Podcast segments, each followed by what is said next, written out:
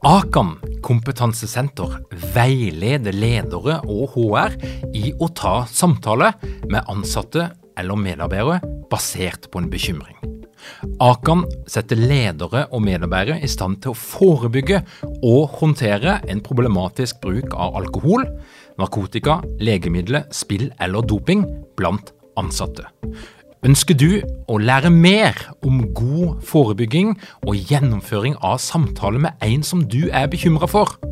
Da kan du nå få tilgang på Akan sitt digitale samtalekurs til spesialpris, kun 760 kroner. Målet med kurset er å gjøre deg tryggere i det som kan være en krevende, men viktig samtale å ta i lederrollen. Du får tilgang til kurset med å gå til samtalekurs.no, samtalekurs.no, og bruke kampanjekoden LEDERPODDEN. Tilbudet gjelder ut april. Lederpodden er gitt til deg av Execu.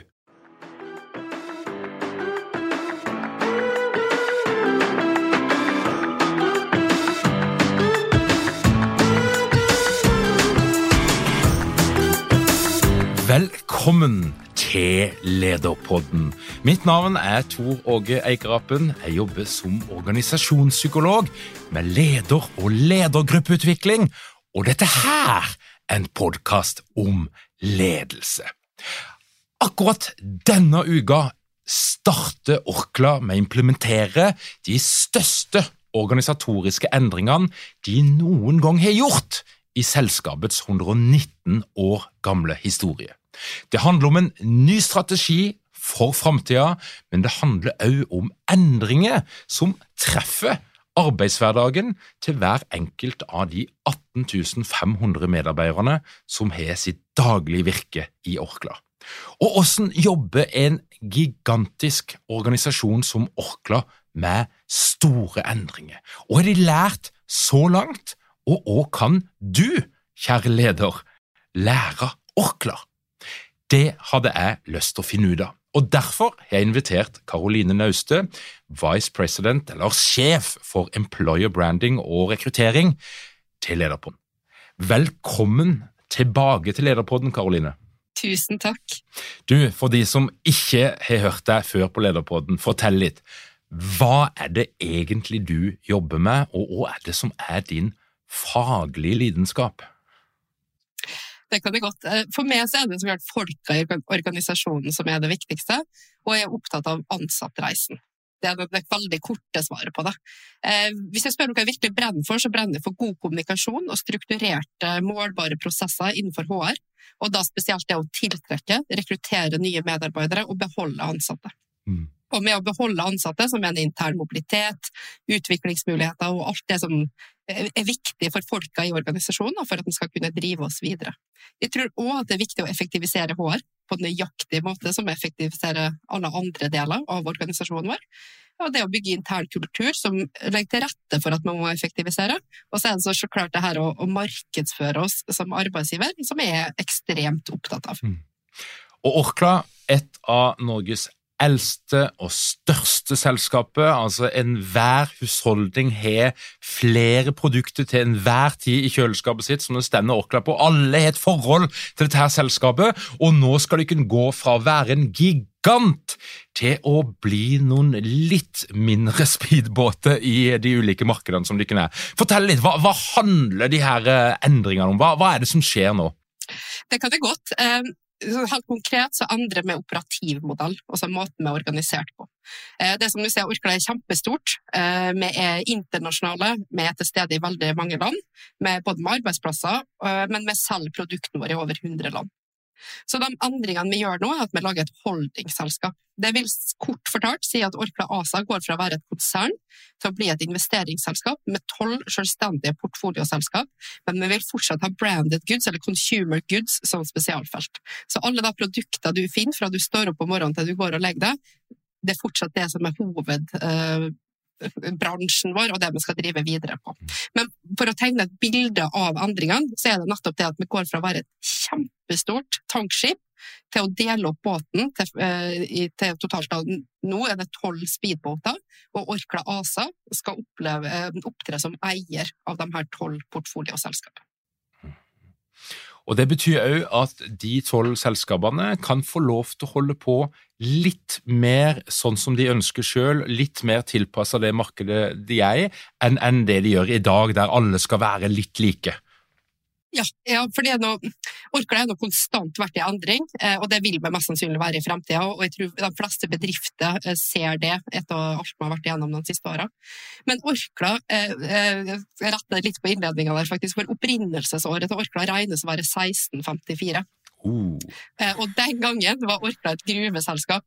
Um, og, og, siden da har Orkla vært gjennom en transformasjon altså fra et rent gruveselskap til å bli et ledende merkevareselskap som er i dag. Jeg skal, skal ikke fortelle det everything in between, for det, det har vi ikke tida til. Og i dag er Orkla et av Norges største børsnoterte selskap. Sånn at jeg tror endringer er ikke nytt for oss. Eh, det er noe som har alltid vært der, og det vil nok prege oss mer i framtida enn det har gjort. Mm. Så de endringene vi gjør nå, er så klart vi er store og internasjonale, som vi sa i stad, men det er ekstremt mange forretningsområder. Så nå endrer vi operativmodell for at alle våre forskjellige forretningsområder skal kunne bevege seg raskere i det markedet enn det de har gjort som i et stort konsern. For i et stort konsern så er det mange felles hensyn vi er nødt til å ta, og det skal vi prøve å gjøre enklere nå, da. Mm. Dette her er jo som å høre et eksempel fra skoleboka på hvordan det skal eh, gjøres. og det er, vel, det er vel en tendens, hvis vi ser på internasjonalt og ute i verden, så er det vel en tendens at mange selskaper søker for å, å istedenfor å være en, en, stor mastodont, så søker mot å bli mindre og kjappere enheter. Jeg tror kanskje vi er nødt til det. Og også den prosessen som ligger bak oss, da, er nå så klart alt det som skjer i verden. Uh, jeg orker ikke gå i detalj for det, for alle vet det altfor godt. Men uh, vår toppledergruppe er ganske fremoverlent, og i tett samarbeid med styret så har jeg nettopp sett det. Å være stor og tunge nå gjør det vanskeligere å gjøre de endringene og tilpasse oss det som skjer i verden. Og vi har innsett at vi må være mye mer agile i måten vi jobber på, og for vi vet heller ikke hva framtiden vil bringe, og det er vel kanskje noe vi alle har forstått. Mm. Eh, og I Orkla har vi henta inn både intern og ekstern støtte eh, og eksperter innenfor forretningsutvikling og endring. Fordi at, som du sa, dette er den største endringa Orkla har vært igjennom i nyere tid. Um, og vi har gjort vurderinger og evaluert flere typer modeller, og nå har vi landa på den vi mest uh, tror på, og den vi tror er riktig for Orkla i dag. Og det er nettopp med å bygge et holdingselskap med der portfolioselskapet vil få større rådighet og ha muligheten til å tilpasse seg endringer i nettopp det markedet de jobber i, og i sin bransje, for å nå de målene de sjøl setter seg. Um, så vi vil fortsatt så klart ha en fordel at vi er store, og vi vil legge til rette for et samarbeid på tvers av selskaper innenfor der ramma det tillates, selvsagt.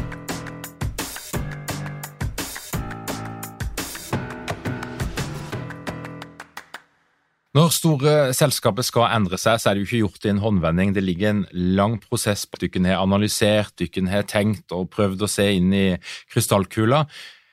Og så på et eller annet tidspunkt så lanseres jo dette her for medarbeiderne, som, som da får greie på hva, hva er det som skjer her på min, på min arbeidsplass. Hva, hva, slags prosess er det som, som ligger bak eh, før dere starter denne implementeringa? Um, ja, Det er et veldig veldig godt spørsmål, det er en ting som er utrolig utfordrende. Orkla er børsnotert, og derfor er det ganske tydelige retningslinjer på hvem som var involvert, før vi kan kommunisere noe tydelig både til våre ansatte, men også eksternt i markedet.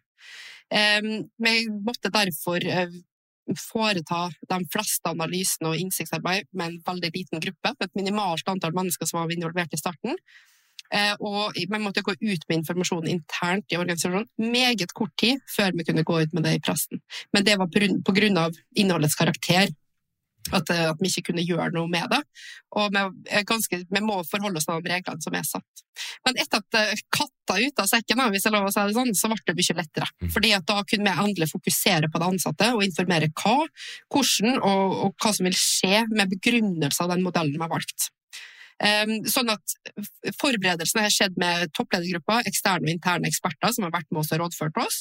Eh, når beslutninga var tatt og det ble kommunisert, så kunne vi på en måte fokuset internt, og da gjorde vi helt konkrete ting for å forberede våre ansatte. Vi har arrangert eh, webcasts, altså digitale sendinger, eh, til alle våre ansatte. Og vi har forsøkt å tilpasse informasjonen til den som treffer, eller blir berørt først. Da. Eh, sånn at eh, de som påvirkes av selve endringene, eh, skal ha informasjon aller helst først. Og så har vi publisert sendinger, presentasjoner, artikler osv. på internettsiden, sånn at, vår etterpå, sånn at det skal være tilgjengelig for alle. Men mye av ansvaret her ligger hos lederne òg, da. For vi har hele tida måttet jobbe gjennom dem. Og på den måten vært transparente. Og vi har forberedt lederne og så har vi stilt opp med Q&As til våre eh, ansatte eh, via sendinga. Og så er det så klart at det syns jeg er mest eh, stolt av, er at når kommunikasjonen var ute, og vi kunne begynne å snakke om det, og vi visste hvilken modell vi hadde valgt, da satte vi opp ganske tydelige tidsfrister for hva som skal skje når. Og at det er 1. mars 2023, da trer endringene i kraft, og da skal vi begynne å se fremover. Men vi har måttet holdt hjula i gang eh, hele veien til og med 28. februar 2023. Mm. Så det kan sammenligne det og litt med å trene til et maraton, eh, eller til et skirenn, eller hva nå folk driver med. Eh, så nå har vi vært gjennom hele den treningsfasen, oppkjøringa. Men det er faktisk nå selve maratonet starter. Mm. For det, nå vet vi ikke hva som skal skje framover. Eller vi vet hva som skal skje, men vi vet ikke nøyaktig hvordan det vil påvirke de ansatte. Så nå skal vi begynne å bygge videre for å nå de målene vi har trua på. Det ligger jo et lite dilemma her for et børsnotert selskap og i den posisjonen som dykken har. for at uh, i læreboka så står det jo du skal involvere og du skal involvere, og du skal gjøre det så tidlig som mulig, og, og, og du skal få inn alle stemmer i prosessen. Men dykken er jo i en situasjon der dykken rett og slett juridisk og markedsmessig er en veldig begrensa mulighet til å uh, gjøre noe som helst involvering før nyheten slippes. Er, er det riktig forstått? Ja, det er helt riktig. Um, så det er på en måte det er det som gjør at det er vanskelig, og det er derfor kanskje det som er den, en av de største risikoene våre. fordi at Hvis vi går ut med informasjon for tidlig, eller noe, så er det en risiko som er ekstrem. Eh, men med at vi må ha litt hemmelighold i starten, er òg en risiko eh, internt i organisasjonen. Og det som har vært viktig for meg, å si at vi har forsøkt eh, å minimere denne risikoen eh, på best mulig måte. Men det er, det er vanskelig, fordi vi, men vi har tatt grundige analyser, vi har gjort bevisste valg. Eh, og vi gikk ikke ut med noe før beslutninga var tatt, sånn at vi var helt sikre at vi ikke framsto vinglete, hvis det er lov å bruke det ordet, i vår kommunikasjon derifra og ut. Men det er så klart ikke til å komme unna at det er den her som påvirker de ansatte mest mulig. De vil nok kanskje merke at det er noe som skjer, men eh, pga. nyhetens karakter så har vi ikke kunnet gått ut med det. Mm. Um, og endringer medfører alltid usikkerhet, det kan medføre stress. Uh, og det er helt klart det ansatte, uh, og kanskje til og med det ansatte som er lengst unna endringens eller nyhetens karakter, som er dem som påvirkes mest, vil jeg tro. da. Mm. Ja, for dette risikobildet, du, sier noen av faktorene her, men, men hva er det du, du kan se på når du kan prøve å se inn hva, hva kan gå galt da, i en sånn type prosess? Ja, Det er ekstremt viktig for oss, så klart, og det juridiske og det finansielle det må være på plass. Ferdig snakka. Den risikoen kan vi ikke, kan vi ikke beveger bevege oss inn på. Men risikoen for, for å unngå det her er så klart at den dagen vi faktisk kan begynne å kommunisere, så gjør vi det sånn som vi har snakka om, altså i henhold til læreboka. Da må vi involvere. Vi må ut med kommunikasjon, og vi må sørge for at ansatte vet det de vil eh, og har behov for å vite. Og Det er der vi har jobba tett gjennom lederne. Sånn at vi har sørga for at lederne vet informasjon litt tidligere, for å være rusta for å møte uh, de ansatte uh, den dagen det begynner å bli berøring på det. da. Er Vibeke Holskog, og jeg ønsker å invitere deg til vårens viktigste konferanse den 14. april. Denne dagen skal vi dykke ned i sårbarhetens kraft og i styrken som ligger i åpenhet, ærlighet, nysgjerrighet og kjærlighet. Holtskog-konferansen er Norges eneste veldedighetskonferanse, og i år går alle pengene til Mental Helse Ungdom. Og på scenen så vil du treffe åtte foredragsholdere, to musikere, blant andre Pellegrino Riccardi, Dora Toralsdottir, Tonje Flakk fra Fuelbox og Lars Erik Lund fra Veidekke. Og alt dette på tre timer, med mål om å inspirere deg til å våge å omfavne din uperfekthet. Så kjære Lederpodden-lytter, støtt en god sak, og meld deg på Holdskog-konferansen Perfekt uperfekt den 14. april. Jeg håper å se deg der.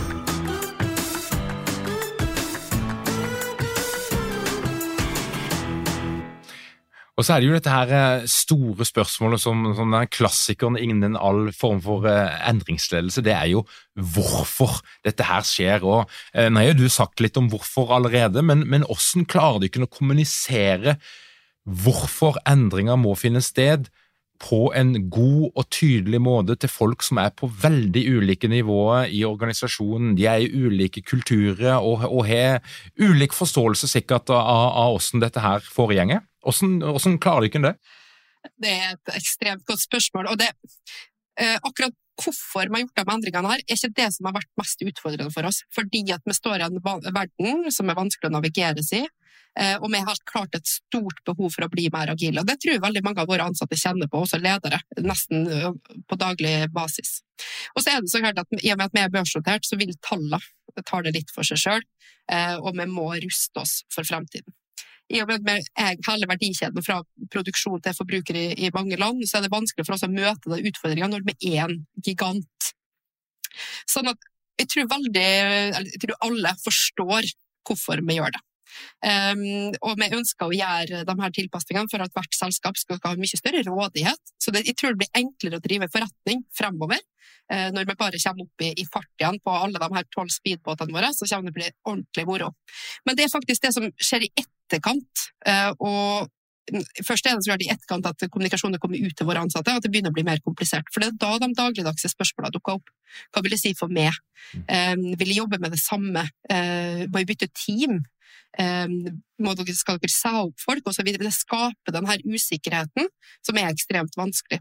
Så vi har hatt en lang periode med å fått på plass det juridiske og det finansielle. Og så er det så klart vi er helt åpne på at det er faktisk mange spørsmål vi ikke har helt konkrete svar på ennå, og at endringene vil først tre i kraft 1. Eh, mars. Men så er det, vi har hatt et stort fokus på at vi må ha business as usual, fordi at vi skal være i samme bransje. Jobben kommer til å bestå.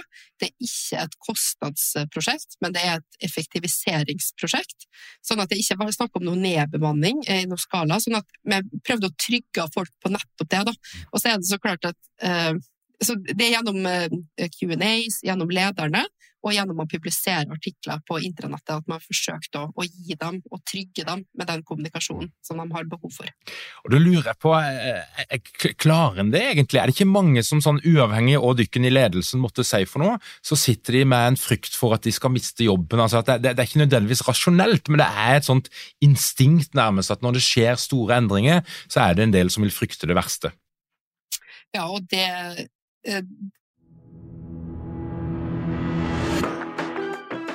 Har dere mange ledere uten trening eller utdannelse innen ledelse? Mangler dere en felles kultur og praksis for ledelse? Ønsker dere å være bedre rustet for fremtidig vekst og endring? Da kan et internt lederutviklingsprogram være en god investering. I Execu så er vi eksperter på å designe og gjennomføre bedriftsinterne lederutviklingsprogram. Hvis du ønsker å lære mer om hvordan vi kan hjelpe dykken til å få enda bedre ledere, ta og klikk deg inn på execu.no.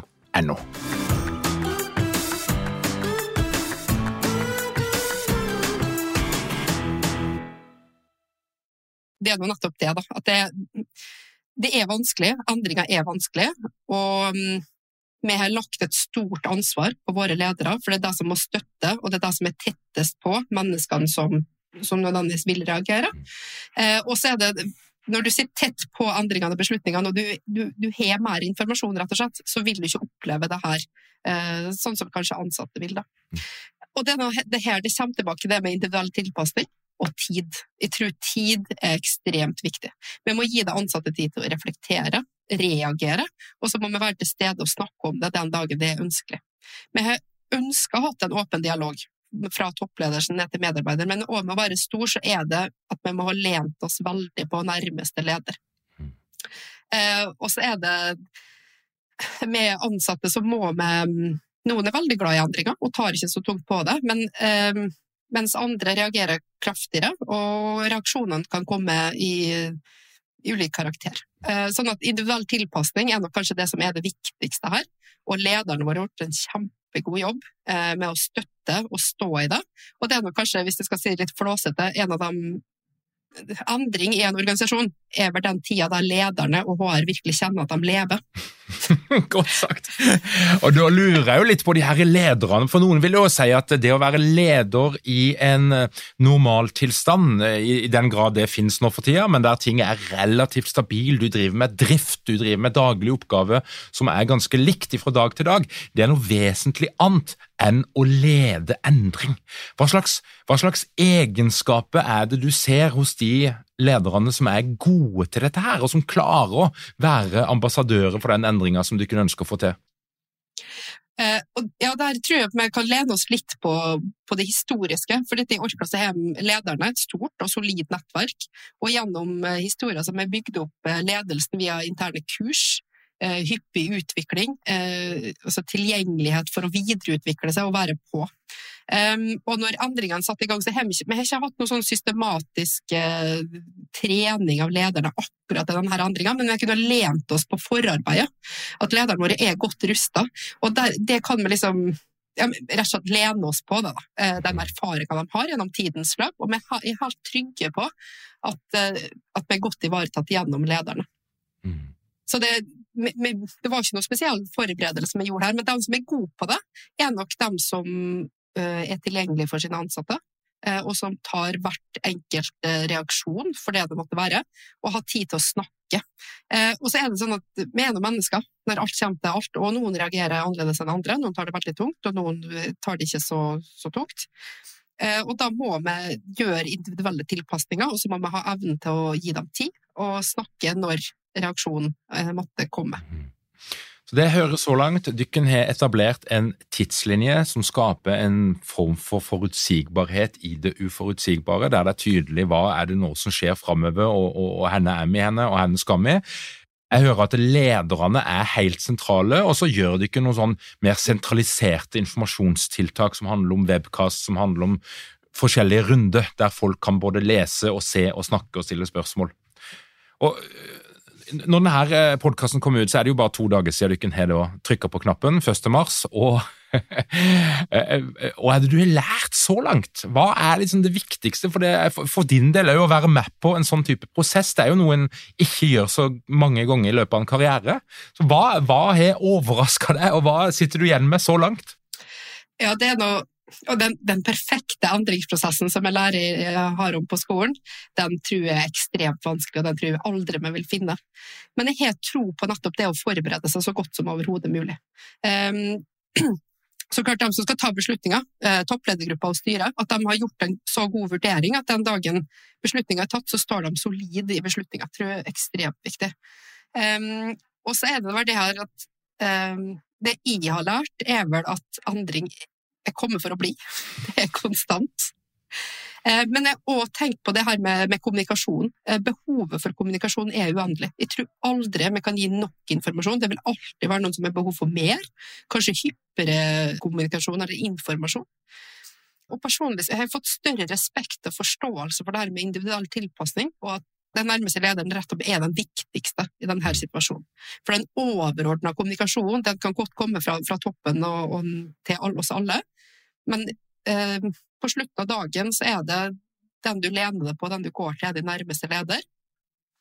Og jeg har òg forstått at ikke alle er så glad i ledelse, eh, i endring, og at eh, altså, ikke, ikke, alle er glad i endring, og at noen syns at det er veldig vondt. Mm. Um, så endringer tar mye mer tid enn en har lyst til å tro, uh, og det er vanskeligere for de ansatte, som er litt lengre unna beslutninger. Og jeg tror kanskje at uh, alle lederne og HR er dem som må stå i det. Og du har ikke svaret på forhånd, for du vet ikke hvordan mennesker vil reagere. Så det er ekstremt utfordrende å være leder i en sånn, sånn prosess. Ja, og den her um, balansen mellom For det er jo et tema som jeg er opptatt av, den her balansen mellom På den ene sida så er vi litt sånn positivt gira for endringer, og yes, dette her skal bli bra, og dette skal vi få til.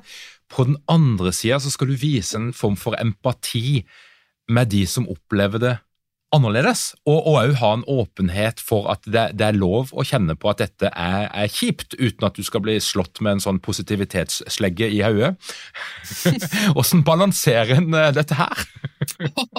ja, det, altså, jeg skulle gjerne hatt det svaret, uh, men det er nå nettopp det å er helt godt forarbeid og Jeg tror den der um, konstante utviklinga og um, kursinga av ledere i det daglige, den er så ekstremt viktig. For den dagen du skal stå i en endring, så står du bedre rusta pga. at du har laget en solid base blant dine ledere. Eh, og ikke minst at, eh, at ledere har et godt nettverk, fordi ledere kan også synes det her er tøft og ha behov for å debrife seg imellom. Men så er det ekstremt sensitivt fordi at du, det går på de ansatte. Mm-hmm. Men, så jeg, jeg, tror det at uh, å skape rom Eh, for de lederne, eh, folk i HR, folk som jobber tett på endringene, er ekstremt viktige. Så, så godt forarbeid og, å ruste organisasjonen før den står i det, det tror jeg vi alle kan, kan lære mye av fremover. Og så er det det her å ha forståelse for hva som faktisk skaper stress blant de ansatte. For i en, en, sånn prosess som det her, så tror jeg at stress er en av de faktorene som kan, faktisk kan slite på de ansatte over tid. Det er sånn uklarhet rundt arbeidsoppgaver, ansvar, um, arbeidsmiljø og klima på jobb. Det, det slites, og vi må ha respekten for uh, og forståelsen for at mennesker kan oppleve det her ekstremt ulikt. Da. Så det er en balanse. Jeg ser det både fra leders perspektiv, så må vi ruste uh, og ha gode, trygge og god psykologisk trygghet mellom lederne, men òg at lederne gir det her til sine ansatte.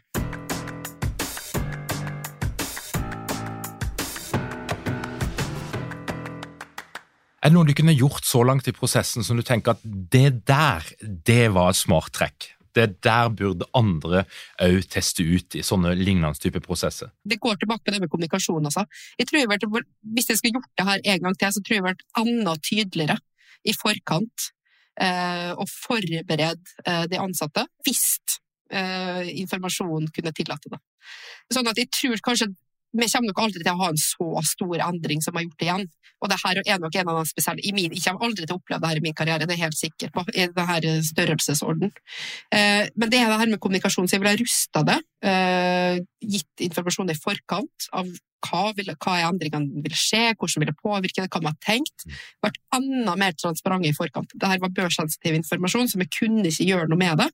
Um, men jeg ser at det er er det kanskje noen ting vi kunne ha kommunisert uh, som ikke er børssensitivt. Men, men det, det, må gi meg et uh, halvt år å reflektere over når jeg får se resultatet av selve endringa. ja, du skal bli invitert inn igjen, det skal jeg love deg. Dukken er jo, dukken er jo til stede i, i, en rekke land, og, og, jeg husker ikke om det er, det er flere 20 land, så vidt jeg husker. Uh, um, er, det noen kulturelle forskjeller her? Kikker det inn noen sånn kulturelle faktorer som kan være litt vanskelig å forutse? Eh, det tror jeg er noen ting jeg vil se mye tydeligere etter endringene tredje i kraft. Eh, fordi at nå har vi, noe, vi har gjort det juridiske og det finansielle, og alt er i orden. Og vi har bygd organisasjonen for den skal bli for fremtida. Eh, vi har gjort det mer agilt, sånn at alle skal kunne tilpasse seg det markedet og den bransjen de er i, i de landene vi er til stede. Mm. Så det er det vi ruster oss for. Men jeg tror, som sagt, altså det er mange ting vi ikke har helt svaret på ennå. På hvordan skal vi jobbe, hvordan skal vi samarbeide osv. Så, videre. så jeg tror kanskje at uh, de kulturelle forskjellene vil vi se litt senere. Fordi det her er en veldig sånn, nå er det veldig toppstyrt og veldig toppåvirka, de endringene vi gjør. Men at uh, det vil forplante seg nedover i organisasjonen. Gjennom i hvert fall 2023. Mm. Vi vil nesten kalle det et sånn unntaksår. Nå skal vi finne vår rolle, vi skal finne vår plass. Eh, og så vil farten øke gradvis. Sånn at eh, forhåpentligvis før jul så kunne jeg gi deg et bedre svar på det eh, enn jeg kan akkurat nå. Mm. Jeg tror ikke vi har sett det ennå.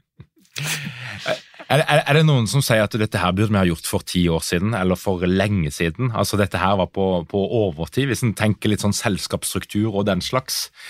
Um, er det noen som, Har du ikke fått noen sånne reaksjoner som tenker at yes, endelig har de skjønt det? Oi, um, det er nok lett å være etterpåklok, tror jeg. Uh, og spesielt etter de siste fem åra i, i, verden.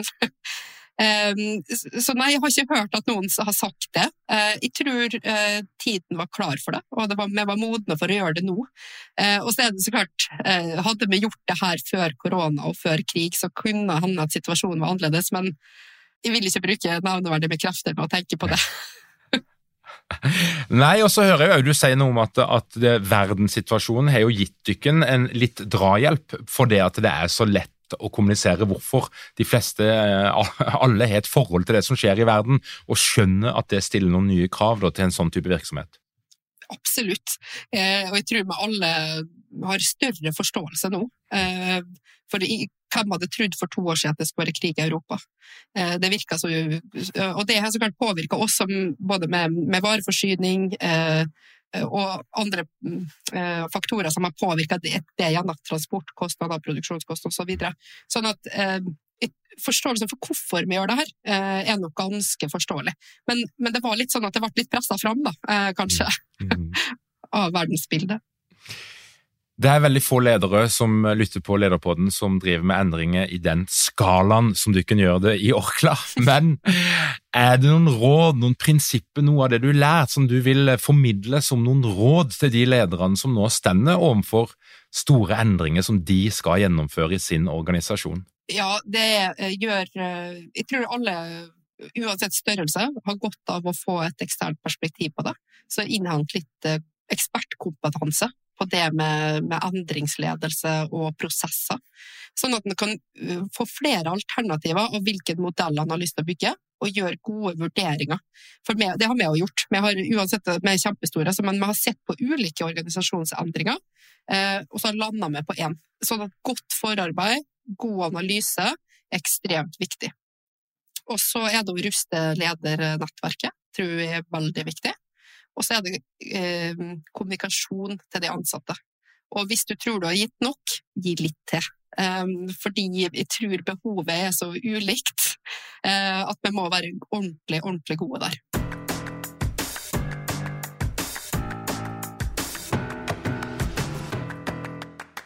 Er det noen som ikke har spurt deg om, men som du har lyst til å liksom, uh, melde ut til, til lederne som lytter på Lederpodden? Jeg, jeg tror på en måte at det er vanskeligere å se fremtiden nå, da, så jeg tror det er lurt å bygge organisasjoner for å bli mer agile. sånn at eh, Jeg håper at vi også skal endre oss i fremtiden, men jeg tror, at, jeg tror det blir mindre endringer som ikke vil være så inngripende som det vi har nå, sånn at vi ruster oss for en verden at det er lettere å tilpasse seg. Eh, og det håper jeg at alle tenker litt på, at eh, eh, vi vet ikke hva som vil skje, og derfor er det litt lurt at vi, vi ruster oss for nettopp det. da. Mm. Og så har jeg faktisk lyst til å, å gi anledningen til å skryte av alle kollegaene mine i alle posisjonene i Orkla som har stått i det her. Eh, vi har greid å holde hjula i gang. Eh, du har fortsatt fått kjøpt alle produkter du vil ha. Og selv om det vil eh, skje endringer i vår operativmodell, så vil jobben vår være den samme. Merkevaren vår vil være den samme.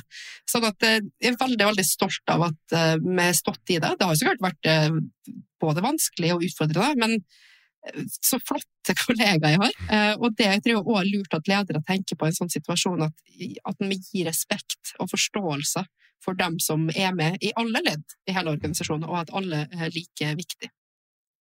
Jeg tror kanskje også, skal dra på, jeg, jeg tror at endring er utfordrende for mange, men Eh, vi kommer også tettere på hverandre. Det bygger En, altså, hvis en skal se det positive i en vanskelig situasjon, så bygger det psykologisk trygghet fordi at vi, blir, vi knytter tettere bånd som vi kanskje ikke kunne ha gjort før. Det er mye empati, det er mye forståelse, eh, og vi har lært hverandre å kjenne på en, en helt unik måte. Mm. Når du ikke har hatt denne prosessen, jeg blir bare liksom, Det er ikke sikkert det er mulig å gi noe godt svar på dette, her, men, men finnes det en idealstørrelse på en organisasjon? Hvis en skal fremdeles ha en viss grad av lettbeinthet, og, og, og mange ansatte må du da holde deg under? Det er mer komplekst enn som så, altså, men, men altså, dere har jo gjort noen analyser her og, og tenkt at ja, tolv, det er fremdeles tolv store enheter, eh, med noen som er sikkert et par tusen ansatte i, i, i hver av de her speedbåtene, så det er store virksomheter fremdeles. Men, men har dere gjort noen sånn tanke om at eh, Hvorfor ble det tolv? Ja, eh, og det var mer Det vil vi nå kontinuerlig overvåke. Det er nok ikke størrelsen på organisasjonen, men vi har valgt å sortere det mer innenfor bransje. Eh, sånn at du selger det samme produktet, men i mange land, f.eks. Sånn at produksjonslinjen er ganske like. Utfordringene på hvordan du skal distribuere eh, alle varene osv. Så, videre. så det, det er gått mer på det enn at man har tenkt på størrelsen på selskapet. Sånn at det er likere utfordringer i hele organisasjonen enn at det skal være en kjempeliten og en kjempestor. Da er utfordringene mye, mye større for oss. Så vi har tenkt likhet på bransje og produkt eh, fremfor størrelse. Karoline, nå er altså endringene satt i gang, eh, og nå løper ting, så du kommer til å lære vanvittig mye det neste halvåret, så vi må ha en liten oppsummering sånn litt utpå høsten. Men tusen hjertelig takk for at du kom og delte din kunnskap til Lederpoddens lyttere. Tusen takk for at vi fikk komme. Ha det bra. Til deg som hører på Lederpodden, hvis du ønsker å få med deg alt som skjer i vårt lederunivers, så gjenger du inn på lederpodden.no, du trykker på den rette knappen, du legger igjen din e-postadresse, og du vil få vårt rykende ferske nyhetsbrev i din innboks hver eneste fredag. Takk for at du hører på Lederpodden. Vi høres igjen om ei uke.